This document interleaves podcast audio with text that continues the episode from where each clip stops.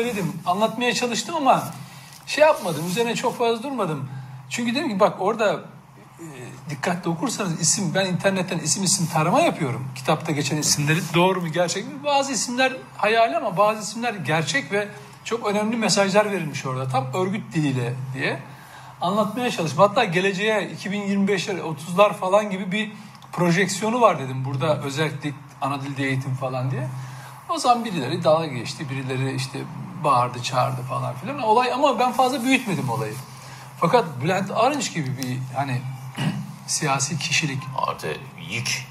Cumhurbaşkanlığından birisi olunca e, devre- o kitabı önerince kendiliğinden dedim ki artık bunu yazmanın zamanı geldi ve öyle yazmalısın ki insani boyutlarını da onların ihmal ettiği gibi etmemelisin. Niye? Çünkü Demirtaş orada tam bir e, bir kere şu anlaşılıyor. E, PKK'nın e, kurulduğu günden bu tarafa nasıl evrim geçirdiğini ve bugün çok kullanılan demokratik özellik veya özellik veya özel Avrupa özellik şartı gibi kavramların rüzgarıyla beraber PKK'nın da e, bir bölünmeden ziyade bir demokratik özellik e, yönüne nasıl evrildiğini ama bunun esasında da yine dört ülke, ülkede Kürdistan'ı oluşturmak, o büyük Kürdistan'ı oluşturma projesinden vazgeçmek anlamına gelmediğini anlatmak için çalışma yapmak lazım. Öyle anlaşılıyor. Çünkü ya ne kadar hoş, hoş bir laf değil mi? Demokratik özellik. Demokratik bilmem ne. Önüne demokratik koyuyorsun her şey bir anda toplum tarafından kabul ediliyor. Ve Öce, Öcalan, Legal, legalleşiyor. Evet, Öcalan da bunu meşrulaşıyor. Öcalan da bunu kullanmış. Demokratik özellik adı altında. Şimdi çukur eylemleri sırasında e, PKK'lıların işte ilçelerde sorumluları var. Bunlardan bir tanesi e, Mehmet Tunç, Cizre'deki bu ayaklanmanın başındaki insanlardan birisi PKK'lı. Ki Cizre bu anlamda sembol, yerler. Onlar için tabii. semboldür. İnanılmaz yani. Çünkü en son neredeyse biten e, yerlerden bir tanesiydi. Bir de tabii olay esnasında falan Avrupa İnsan Hakları Mahkemelerine gidiyorlar. Uluslararası alanda şey propagandasını yapıyorlar. Oradaki insan, isimler çok çok önemli. Çünkü Mehmet Tunç'u okuduğunuz zaman yani niye e, Selahattin Demirtaş başkalarını anlatmıyor da bunu anlatıyor? Ee, ve kitabının son bölümüne muhte- sonu muhteşem olacak diye bir ifade kullanıyor. Metni okuyorsunuz bu cümle orada yer almıyor ama başlık olarak orada yer alıyor. Sonra Mehmet Tunç'la ilgili araştırma yaparken örgütün yayın organlarında şey görüyorsunuz. Ee, teröristlerin bu kelimeyi tam da Çukur Hendek e, eylemleri sırasında sık sık kullandıklarını hatta Hangi cümle bir daha tekrarla? Ne olursa olsun sonu muhteşem olacak. Sonu muhteşem oldu. Sonu muhteşem olacak. Biz bunu bakın bunu söyleyen kim varsa klişe olarak söylüyorum. FETÖ'cünün bazı mottoları var ya. Bu bunlara yakındır. Ve Öce- şey de Demirtaş'ta o kitabında sonu muhteşem olacak bölümü kitabı kitabın o bölümünde babası Çukur eylemleri sırasında öldürülen amcasıyla beraber öldürülen o ayaklanmanın içinde olan e, bir çocuğun hikayesini anlatıyor. Baba öldürüldükten sonra çocuk doğuyor. Gerçekten de doğuyor. Oraya da Bekes ismini koymuşlar. Bekes diye bir çocuk da var gerçekten. Gerçek hayatta da var. Bugün 4-5 yaşlarında olması lazım. Ve kötü olan şu. Demirtaş bölünme hayallerine, Türkiye'yi bölme hayallerine, özellikle ana dil eğitim falan filan hayallerine daha babası öldürüldükten sonra hemen sonra doğmuş olan bir çocuğu kullanacak kadar küçülebiliyor. Kendi çocuğunu kullan. Kendi çocuğunu kullan. Yaz kendi çocuğunla ilgili. Ama hayır. Bekes diye babası öldürmüş bir çocuğu kullanıyor. Öyle bir ilginç kullanıyor ki onda 28 yaşına geliyor Bekes 2044 yılında. Cizre'de özellikle ilan edilmiş kent konseyleri, e, mahalle me- e, meclisleri kurulmuş ve karar almışlar efendim. Ana dilde eğitim falan öyle yapılıyormuş. Hatta Amerika'da Harvard Üniversitesi'ne gidiyor çocuk. Doktor olmuş. Orada da yerinden yönetim e, modelinin tanıtımını yapacak Harvard Üniversitesi'nde. Kent Konseyi onun ismini belirlemiş. O Bekes büyümüş 28 yaşına gelmiş falan. Ya ne kadar ayıp, ne kadar insanlık dışı bir şey. Sen siyasetçisin. Ve diyorsun kitabında amcasına ve babasına layık olarak büyüdü Bekes. Ya kimse babasını seçe- seçemez hayatta. Ve baba da çok kıymetli. Anne gibi çok kıymetlidir tabii ki. Her evlat için. Ama sen bu duygu sömürüsüne nasıl alet olabiliyorsun? Baba suçlu olabilir. Ama çocuk ondan suçlanamaz. Baba babanın yaptığı hatayı çocuk tekrar edecek diye bir şey yok. Neden? Babanın babanın yaptığı çünkü terör eylemi, terör e, faaliyeti. Niye o çocuğun hayatını oraya doğru yönlendiriyorsun?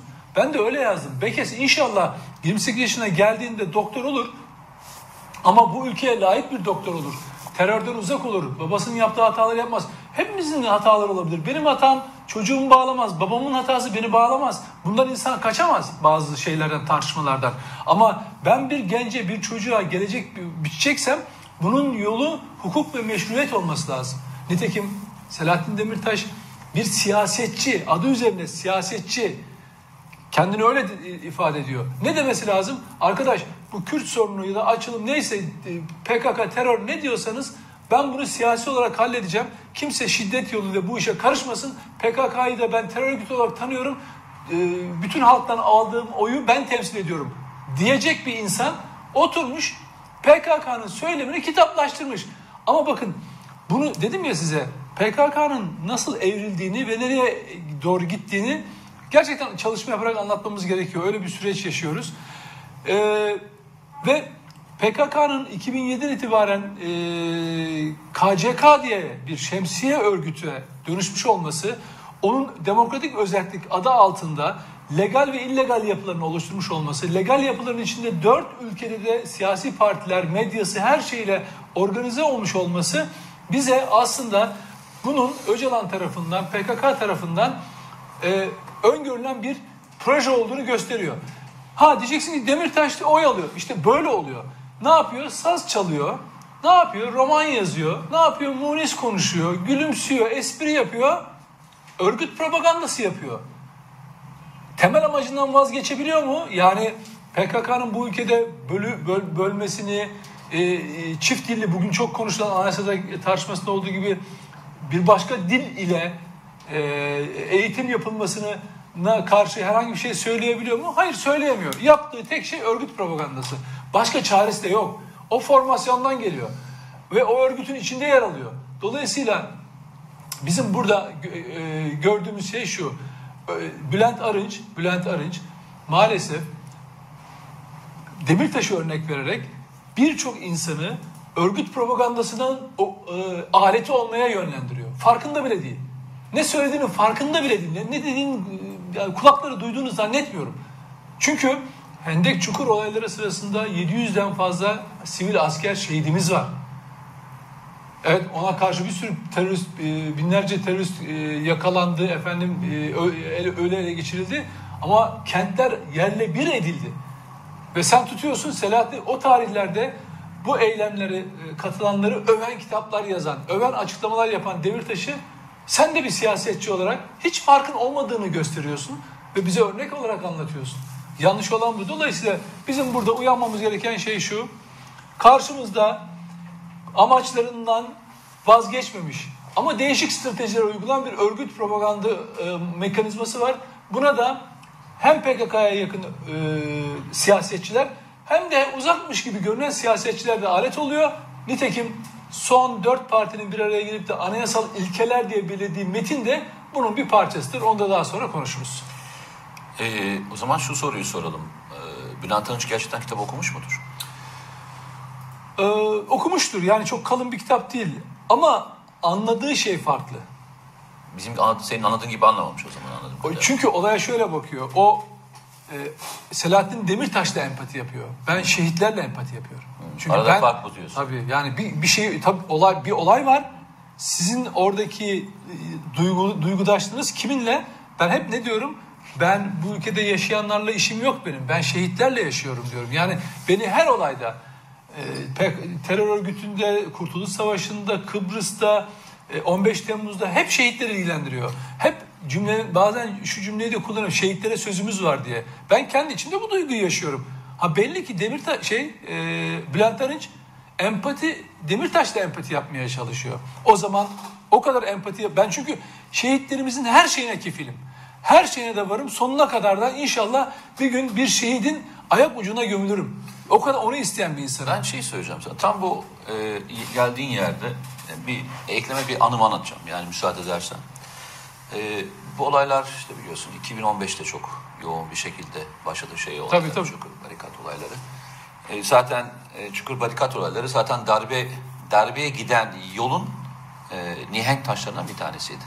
Yani Türkiye'ye bölünmeye götürecek işte darbenin oluşacağı noktaya doğru gitmesi Tabii, için tabii. hazırlanmış ayaklardan bir tanesiydi. İşte aynı anda biliyorsun DAEŞ saldırıları başladı. Aynı zamanda Türkiye nereden de bombalı saldırılar başladı. O bir şeydi, kuşaktı.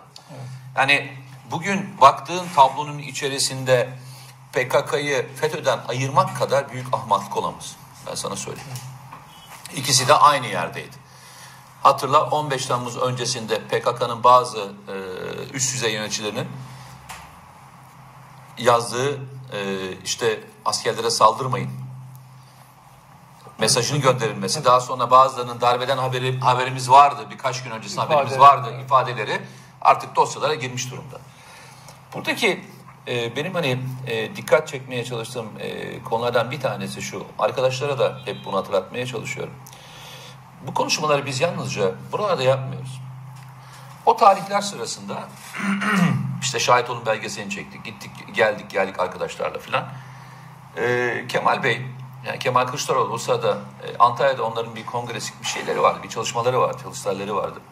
Türkiye'deki güvenlik uzmanlarını e, şeye çağırdı, Antalya'ya çağırdı ve bizden bu olayların çözümüyle ilgili nasıl e, konuşulacağını, e, yani ne yapmamız gerektiğini soruyor bize.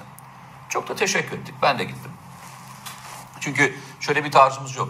Fikrimizi almak isteyen insanlara hiçbir zaman e, fikir vermiyoruz gibi bir yaklaşımımız olmadı. E, o kendisini anlattı, ifade etti. İşte herkes teker teker konuştu. E, sıra bana geldi. Ben hani e, o dönemdeki şeylerimi anlattım, fikirlerimi anlattım, konuştum. Ben bir şey soracağım size dedim. Yani e, Kemal Bey dedim. E, siz dedim e, içinizde bir sürü asker kökenli e, kişi var. Bu arada Sezgin Tanrıkulu e, ve dahil olmak üzere böyle kurma heyeti de şeyde e, masada.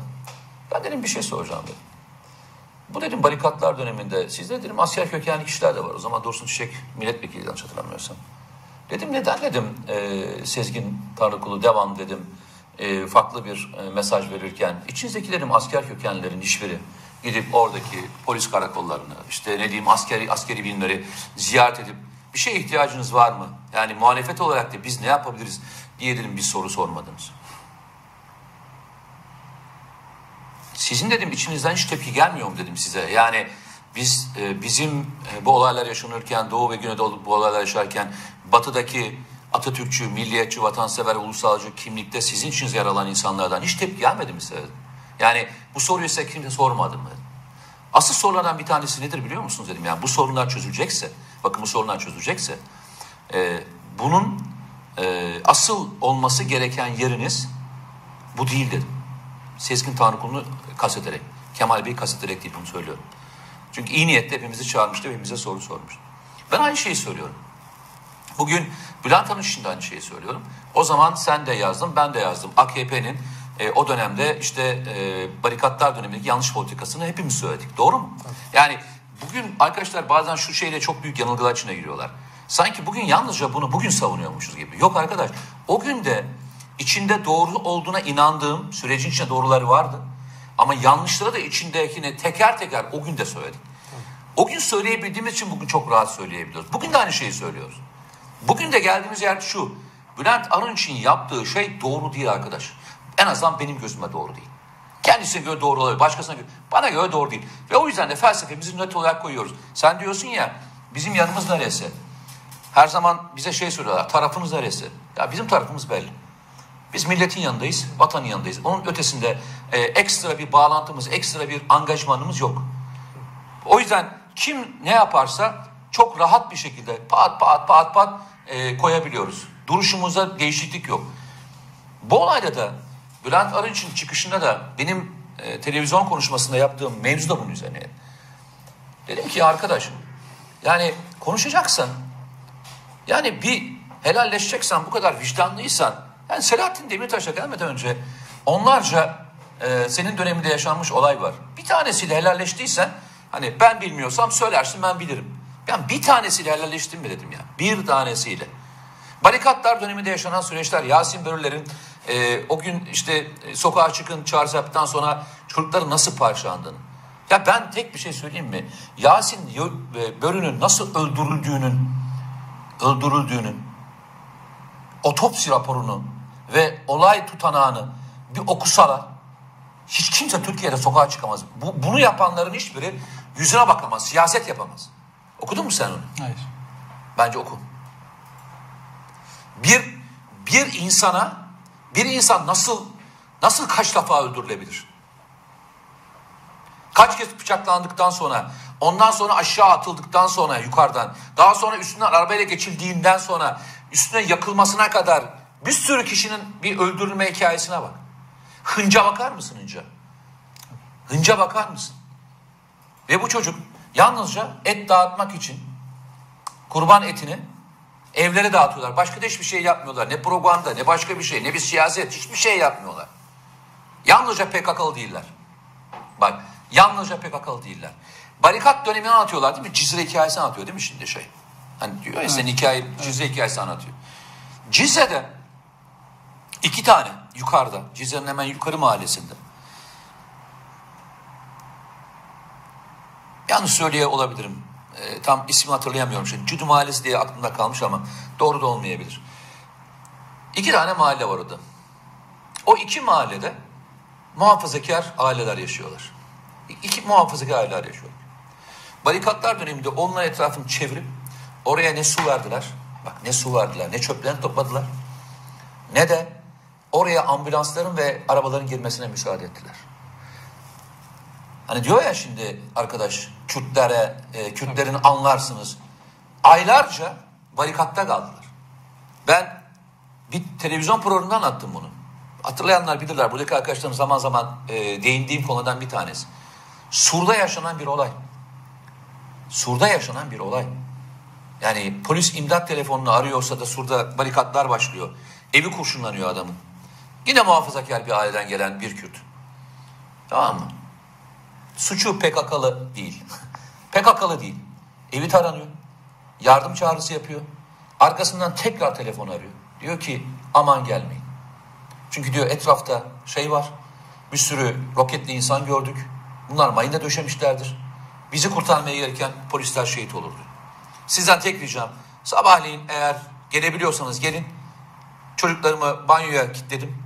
En azından hani onlar sağ kaldıysa veya cesedimizi bir oradan çıkartın. Bu hikayeleri niye anlatmıyorsun arkadaş? Binlerce insanın, yüz binlerce insan evinden nasıl çıktığını, evlerinden çıkarken nasıl sürüklenerek gönderildiğini, barikatlar döneminde sokaklarda o yaşlılara, gençlere nasıl zulüm edildiğini niye anlatmıyorsun be kardeşim? Niye hiçbirine de değinmiyorsun?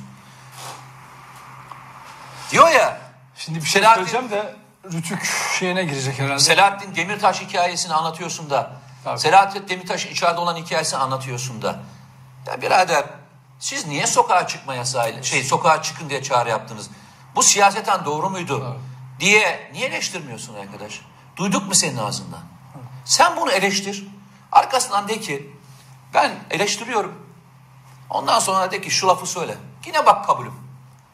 Vicdanen kabulüm. Arkadaş yanlış yaptınız.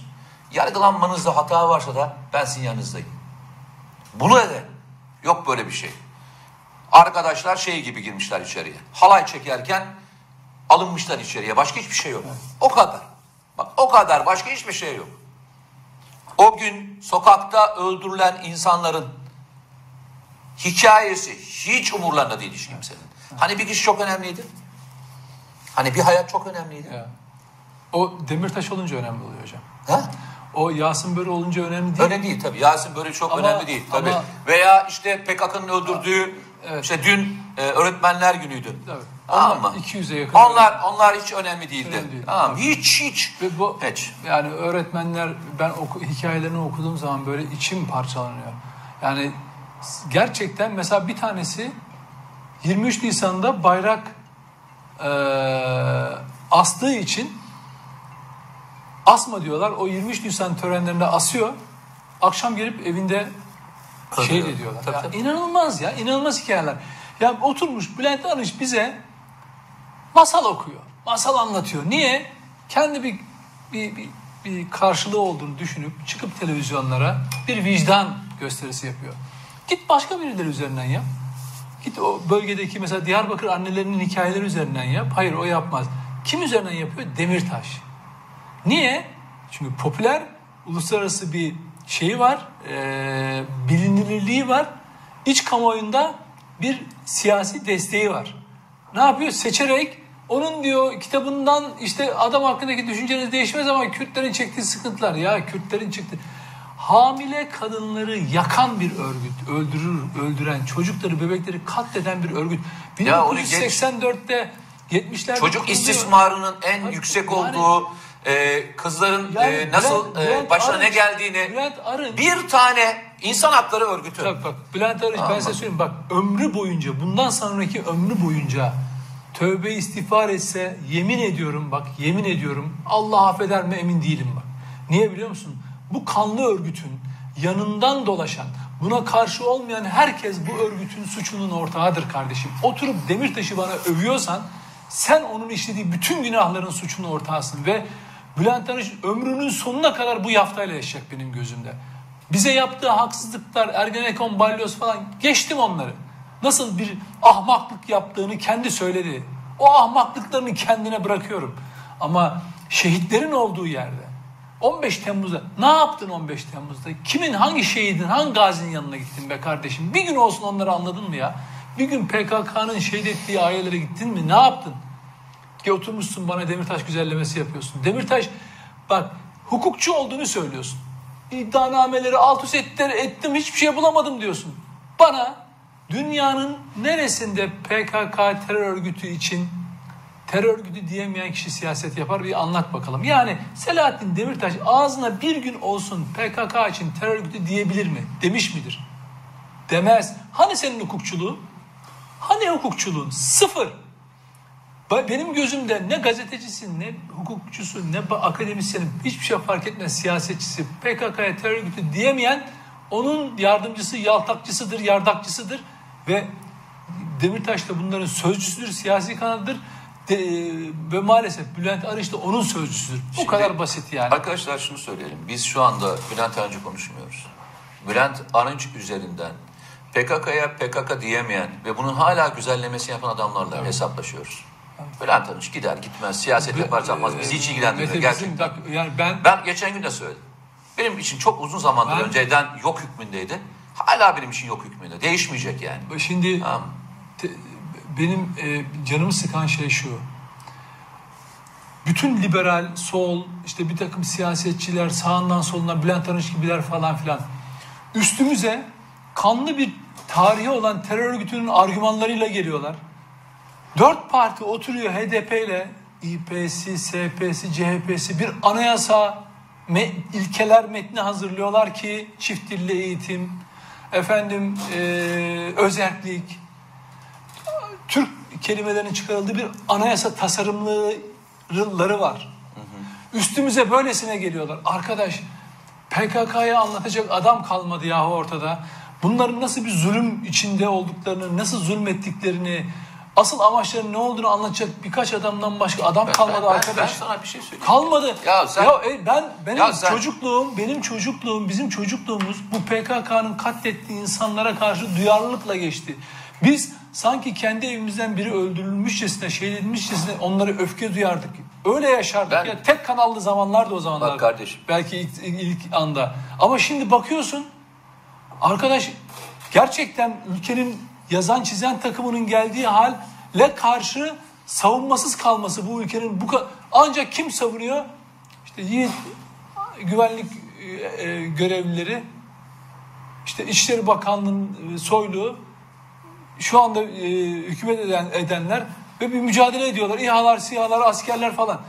Abi öbür tarafta bakıyorsun Bülent Arınç çıkmış Türkiye'nin en çok izlenen kanallarından bir tanesinde bize Demirtaş Bak güzellemesi. ben sana tek Ya şey, bunun sebebinin ne olduğunu bu nedir ya? Bu Bak, ne rezilliktir bunun ne arkadaş sebebinin ya? söyleyeyim mi sana? Bak eee, şey çok iddialı bir kelime kullandı Süleyman Soylu geçen bir hafta önce hatırlıyorsan. Ben de geçen gün de buradayken hatırlıyorsan konuştum beraber. Evet. Dedim ki 2021 yılında biz PKK'yı Kandil'de ve Türkiye'de görmeyeceğiz dedim. Hatırlıyor musun? Evet. Gerçekten o noktaya doğru gidiyor. PKK e, dağda yenildiğini şimdi siyasette başarıya dönüştürmeye çalışıyor. Evet. Bu hikaye hep böyledir. Hatırlıyor musun? Yani senin e, meslek hayatın, benim askerlik hayatım bu hikayeleri Tabii. dinleyerek geçti. Hep bunlarla buraya doğru geldik. Ne zaman dağda yenildi, siyasete kendisini angaje etti. Mazlum oynamaya kalktı. Tabii. Hep bu hikaye budur. PKK'nın mazlum hikayesini demekten. Ben sana şöyle söyleyeceğim. Türkiye'de bir sürü insan hakları örgütü var. Kaç tanesinin PKK'nın insan kaçakçılığı, PKK'nın e, çocuk kaçırması, çocukları asker olarak kullanması, onlar öyle diyorlar çünkü. E, bunların terör faaliyetlerinde kullanılması, dağda e, kadınlara tecavüz edilmesi dahil olmak üzere kaç tanesi rapor hazırladığını ve bunu e, toplumla paylaştığını gördüm. İnsan örgütleri var ya Türkiye'de. Bak insan örgütleri var. Tabii insan örgütleri. Efendim? İnsan örgütleri. İnsan örgütleri. hakları. Ben öyle diyorum. İnsan Yok, örgütleri. insan diyorum. örgütleri güzel. Ben öyle diyorum. Çünkü eğer insan hakları olsaydı Türkiye'nin en büyük sorunlardan bir tanesi daha kaldırılan çocuklar ve e, orada yapılan tecavüzlerle ilgili bir, bir tek rapor hazırlardınız. Evet. Niye konuşmuyorsunuz arkadaş? İşte barikatlar dönemiyle ilgili bir tane belgesel çektik ya o da ben. Yani bir arkadaşlarımla beraber Ya. çekildi. Evet. Ya bir tane mi ya? Yani ya bunu bunu çek niye? Sana söyleyeyim. Giderken kameraman bulamadık. Bir tane çocuk gönüllü oldu geldi kameramanlardan. Diğerlerinin hepsi arkadaşlarım da kameramanlığı öğrendiler gelip oraya. Çünkü adamlar dediler ki döndüğümüzde bize iş vermezler abi dediler. Bize iş vermezler. Bize bu belgeselde yer aldığımız için dönüşte iş vermezler dediler. Sen hangi dünyadan bahsediyorsun? En çok izlenen oldu. Abi bir anda kalktı şey yayından. Şeyde, Uzatılmadı. e, kanalda mı yoksa? TRT'de. YouTube, TRT'de. Tamam mı? Çünkü darbe öncesiydi. Ha, Ne demek istediğimi anlatıyorum ya. evet, evet. Yani bununla ilgili yapacağım bir şey varken o kadar bu zihniyete Tabii. örtülü veya direkt destek veren o kadar adam var ki. Kadar var ki. Evet. Ya Türkiye'nin en fazla şehit verilen olaylarıdır biliyorsun şey barikatlar dönemi. En fazla şehit verilen olaylarıdır. Evet. Kıbrıs Harekatı'ndan daha fazla şehit verdik. Bak Kıbrıs Harekatı'ndan daha fazla şehit verdiğimiz bir olaydır bu. Bir tane bir tane film mi çekildi? Bir tane hani belgesel çektik de başka bir şey mi yapıldı? Ama PKK'nın çektiği kaç tane var biliyor musun barikatlar döneminde? Ya. Hazırladığı şey. Ben sana söyleyeyim. Yüze yakın. Evet. Yüze yakın Zaten belgesel var. Tabii tabii zaten şimdi benim yazdığım yazıya gelirsek işte bak çok güzel bir noktaya getirdin olayı. Ama ondan sonra herkes şey. Öyle kaynakların iyi kullanılması, kaynakların aktarılması, tanıtım, organizasyon onu da yapıyoruz. Onu da hallediyoruz. Ya niye hallediyorsunuz be kardeşim ya? Niye hallediyorsunuz ya? Niye hallediyorsunuz? 100 tane PKK barikatlar dönemiyle ilgili bir şeyler hazırlamış, arşive koymuş. Bundan sonra aradan 10 yıl geçtiğinde herkes unuttuğunda o arşivler izlenmeye başlayacağız. Evet. Türkiye'deki birçok insan o arşivler üzerinden barikatları okuyacak. Aynen. Tamam? O barikatlar üzerinden, o kitaplar üzerinden okuyacağız. İşte senin seher kitabı. Evet. Öyle boşuna yazılmış bir kitap değil. Tabii. Tamam mı? Arşiv kitabı bunlar. Aynen. Arşiv kitapları. Arşiv kitapları olarak koyuyorlar, yapıyor, e, belgeliyorlar bunları. Aynen. Niye yazmıyorsunuz Zaten arkadaş? e, şeyin e, örgütün elebaşı Murat Karayalan, Cemal Kodatlı e, yazdığı o kitapta bugünkü köşe yazımda değindim ona. Demirtaş'ın sonu muhteşem olacak ifadesi e, Sur ilçe sorumlusu PKK'lı Ciğerger Kodatlı birine ait aslında o söz. Murat Karayalan da bunu Hendek Çukur eylemleriyle ilgili değerlendirmesini yayınladığı bir kitabı var. İşte Devrimci Savaşçı Zartürk falan diye bir ıvır zıvır bir şey. Orada bundan bahsediyor. Çiğager'in diyor söylediği gibi diyor sonu muhte ne olursa olsun sonu muhteşem olacak falan deyip olayı şeye getiriyor. Mehmet Tunca bugünkü yazında belirttiğim konuşmamızın da başında değindik. Mehmet Tunca getiriyor ve diyor ki buna ben onun diyor direnişi diyor oradaki yaşanan olayların her biri ayrı bir kitap olmalı diyor. Aynen Mete'nin söylediği gibi işte o yüzlerce kitaplar böyle yazılıyor. Demirtaş'ın yaptığı da tam o talimattır işte. Kitap olmalı diyor, kitap oluyor. Başlık sonu muhteşem olacak, sonu muhteşem oluyor, olacak diye. Yani o, o sloganı sürekli kullanacaklar, kullandıkları. Çünkü o bir uzun var, hani bir e, her şey güzel olacak falan diyenler vardı ya. Onun gibi böyle bir slogan. E, bu da sonu muhteşem olacak diye e, bir slogan geliştirmişler. O zaman e, gelenleri sırasında. Ama bunu asıl mücadelenin propaganda alanında olduğunu Mete'nin verdiği örneklerle gösteriyor. Dolayısıyla bizim propagandaya değil, hakikati anlatmaya e, gönüllü insanlara ihtiyacımız var. Sıkıntımız onu bulamamak. Yoksa savaşacak çok adam var. Savaşıyorlar. O savaşı kaybetmeleri de mümkün değil. Ama ülke içerisinde bunu anlatmaya kalktığında yani şunu çok açıkça PKK Bak PKK e, insan hakları örgütü. Ha, öyle olacak neredeyse. Yani insan hakları Ekolojik- örgütü sen faşist ben faşist Evet, tamam mı? ekolojik, örgüt. Ekolojik örgüt diyorlar. Ha, doğru doğal doğal. Aynen öyle diyorlar. Evet. Organik. PKK, HDP PKK'nın siyasi koludur. Net, hiç tartışmasız. Bin defa tekrar tekrar ispatlayabiliriz. Ve Demirtaş da onun sözcüsüdür, onun işbirlikçisidir. Bugünkü yönetimi de hiç farkı yok. Bunu söyleyebilecek kaç adam var Allah aşkına? Çıkın, televizyonlara bakın. Kaç kişi aman bana demokrat demezler sonra. Ay benim muhalifliğime gölge düşürürüm sonra. Canım ne gerek var onları da karşıma alayım falan filan. Aa bana faşist derler. Aa bana devletçi derler falan filan. Bir sürü şey var. Niye? Çünkü ileride önüne çıkar o sözler. Diyecek arkadaş bugün söylediğim söz benim geleceğimdir. Tıpkı dün söylediklerim bugünüm olduğu gibi. Onu taşıyabiliyorsan bunu söylersin. Ben son nefesime kadar HDP denilen parti PKK'nın siyasi koludur. Ee, ve Demirtaş onun sözcüsüdür. Yazdığı kitapta bundan başka bir şey değildir. Hiçbir şey değildir. Değil 6 milyon 60 milyon oy alsan da o seni sadece meşru kılar, haklı kılmaz. Her meşru olan yani bir meşruiyet devşirmiş olan şeyin haklı olmadığı gibi hak bir kişi dahi söylese haktır. Sen istediğin kadar kalabalıklarla gel, istediğin kadar e, şu kadar oy alıyorum de bu kadar seviliyorum falan. Hiç hiçbirinin önemi yok. Hakkın karşısında, hak, hak kelimesinin karşısında hiçbir sözün yok. O yüzden Bülent Arınç'ın da sözünün hiçbir kıymeti yoktur ve tarihte de layık olduğu yere kendi kişisel hırsıyla layık olduğu yere doğru gidiyor zaten. O yer ne olduğunda çok kısa süre sonra görürsünüz. Ee, arkadaşlar şöyle söyleyeyim. Ee, biraz Ünal Çeviköz'e gelelim istersen. Evet. Ben onu çok ilginçtir.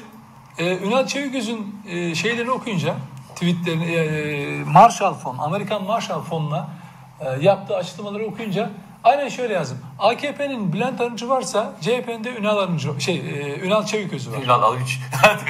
Dil suçlusu var. Ünal Arınç. Evet, Ünal Arınç. Ya Ünal Arınç, bunların hepsi hepsi Ünal Arınç zaten. Şundan dolayı. Sen var ya bazen bilerek mi yapıyorsun Evet, yoksa dili mi bunu getiriyor bilmiyorum yani. Şimdi ilginç olan şu. İkisinin de ortak özelliği aman Biden canım Biden demeleri. Çünkü tweetleri de onun yaptığı konuşmalar da öyle. İkincisi ikisi de partisine aynı şekilde zarar verebildiler. Yani Bülent Arınç Demirtaş güzellemesi falan filan deyip zarar verdi. Ünal Çeviköz de oturdu. Efendim e, Biden gelirse biz Türkiye'de demokrasi güçlü bir demokrasi vurgusu yapmasını bekliyoruz. Efendim S-400'leri onlar kaldırırlar kaldırmazsa biz kaldırırız falan filan. Arkadaş Burada, hurdaya mı gönderdiniz? bu şey var ya sokaklarda hurdacılar var ya mandal veriyorlar falan. İkileyen falan mı? ikileyen bir mandal torbasıyla o şeyleri verecekler herhalde. Öyle bir kafa var bunlarda. Dolayısıyla dedim ki ya bu da CHP'ye zarar veren bir adam. Yani şey olarak farklı kutuplarda olsalar da gerçi değiller de hepsinin ortak özelliği liberal, Amerikan liberal çakmaları. Şimdi dolayısıyla valla öyle ya. Ya gerçekten bak bunda bunu bunu bir hakaret olarak söylemiyorum. Çakma Amerikan liberalleri. Bizim buradaki Türkiye'dekiler de öyle. Yani böyle Amerika'ya laf uzatamazlar. Mesela Türk devlete terörist derler. Ona buna faşist falan derler. Ama Amerika'dan da demokrasi isterler. mi? Ama Amerika, Amerika'dan da demokrasi. Evet, Ama, Amerika'dan ya, demokrasi ya ben bir şey söyleyeyim mi? Bir, ben söyledim aynı şeyi bayılıyorum ya. Tilki'ye demişler ki seni bizim e, kümese şey yapacağız, bekçi yapacağız deyince çok biliyorsun bayağı gülmekten ölmüş biliyorsun. Yok. Tilki. Tilki'ye ama şey demişler. Bizim şey kümese bekçi yapacağız demiş. Tilki en çok neyi sever? tavuk. şimdi şimdi Amerika'ya hani gel bize demokrasi getir dediğinde muhtemelen e, Amerika gülmekten e, şey yapıyordur. Hani demokrasi getirdiği Irak, Afganistan, Libya, Suriye gibi böyle hani örnekler varken yakın tarihte muhtemelen onlar da şey yapmışlardı. Tilki gibi Çok gülmüşlerdir. ilginçtir. yani. Mesela bak Biden şöyle bir insan. Biden Obama döneminde başkan yardımcısı. Geçmişi çok eskilere 80'li yıllara kadar giden her dönem senatör olmuş Amerikan derin devletinde bilen içinde olan bir eleman.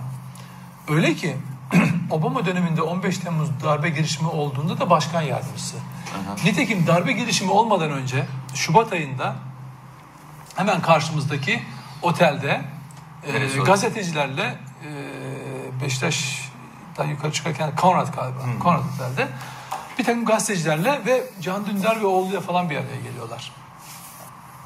Hatta o çıkışta dedi ya senin baban bir kahraman falan filan diye. böyle. Kime? Can Dündar abi. Can Dündar'ın oğluna. O görüşmede Biden ordu içerisinde, Türk Silahlı Kuvvetleri içerisinde bir hareketlenme olduğunu, bir, bir kalkışmanın işaretlerini veriyor. Nitekim bu Hidayet Karaca'ya aktarılıyor FETÖ'cü. O da Samanyolu TV'nin başındaki adamla Barbaros Kocakurt isimli kişilere aktarılıyor. Kendi aralarındaki baylok yazışmalarında bu konu dile getiriliyor. Diyor ki Biden diyor o toplantıya katılmış. Can Dündar'ın oğluna bunları bunları söylemiş. Hidayet abi bunları söyledi, duymuş. Selamı var falan filan. Olay böyle geliyor. Yani darbeden 6 ay önce tam o planlama aşamasında darbeden haberdarlar.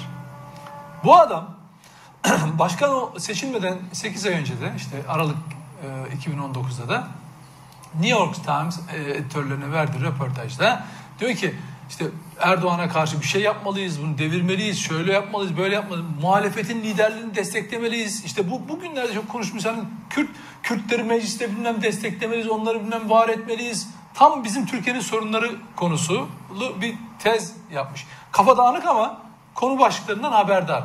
Orada söylediği sözlerden bir de ne? e, muhalefeti destekleyip e, Erdoğan'ı devirme. Ama bu kez diyor ki darbe değil diyor.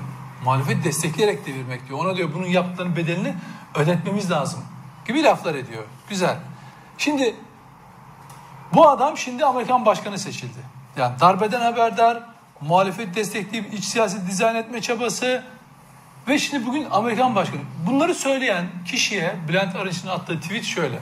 Sayın Başkan Biden, eee, o talihsiz sözlerinizi biz duymamış olalım. Biz bunları e, seçim süreci sırasında propaganda amacıyla söylenmiş söz olarak kabul etmek, görmek istiyoruz.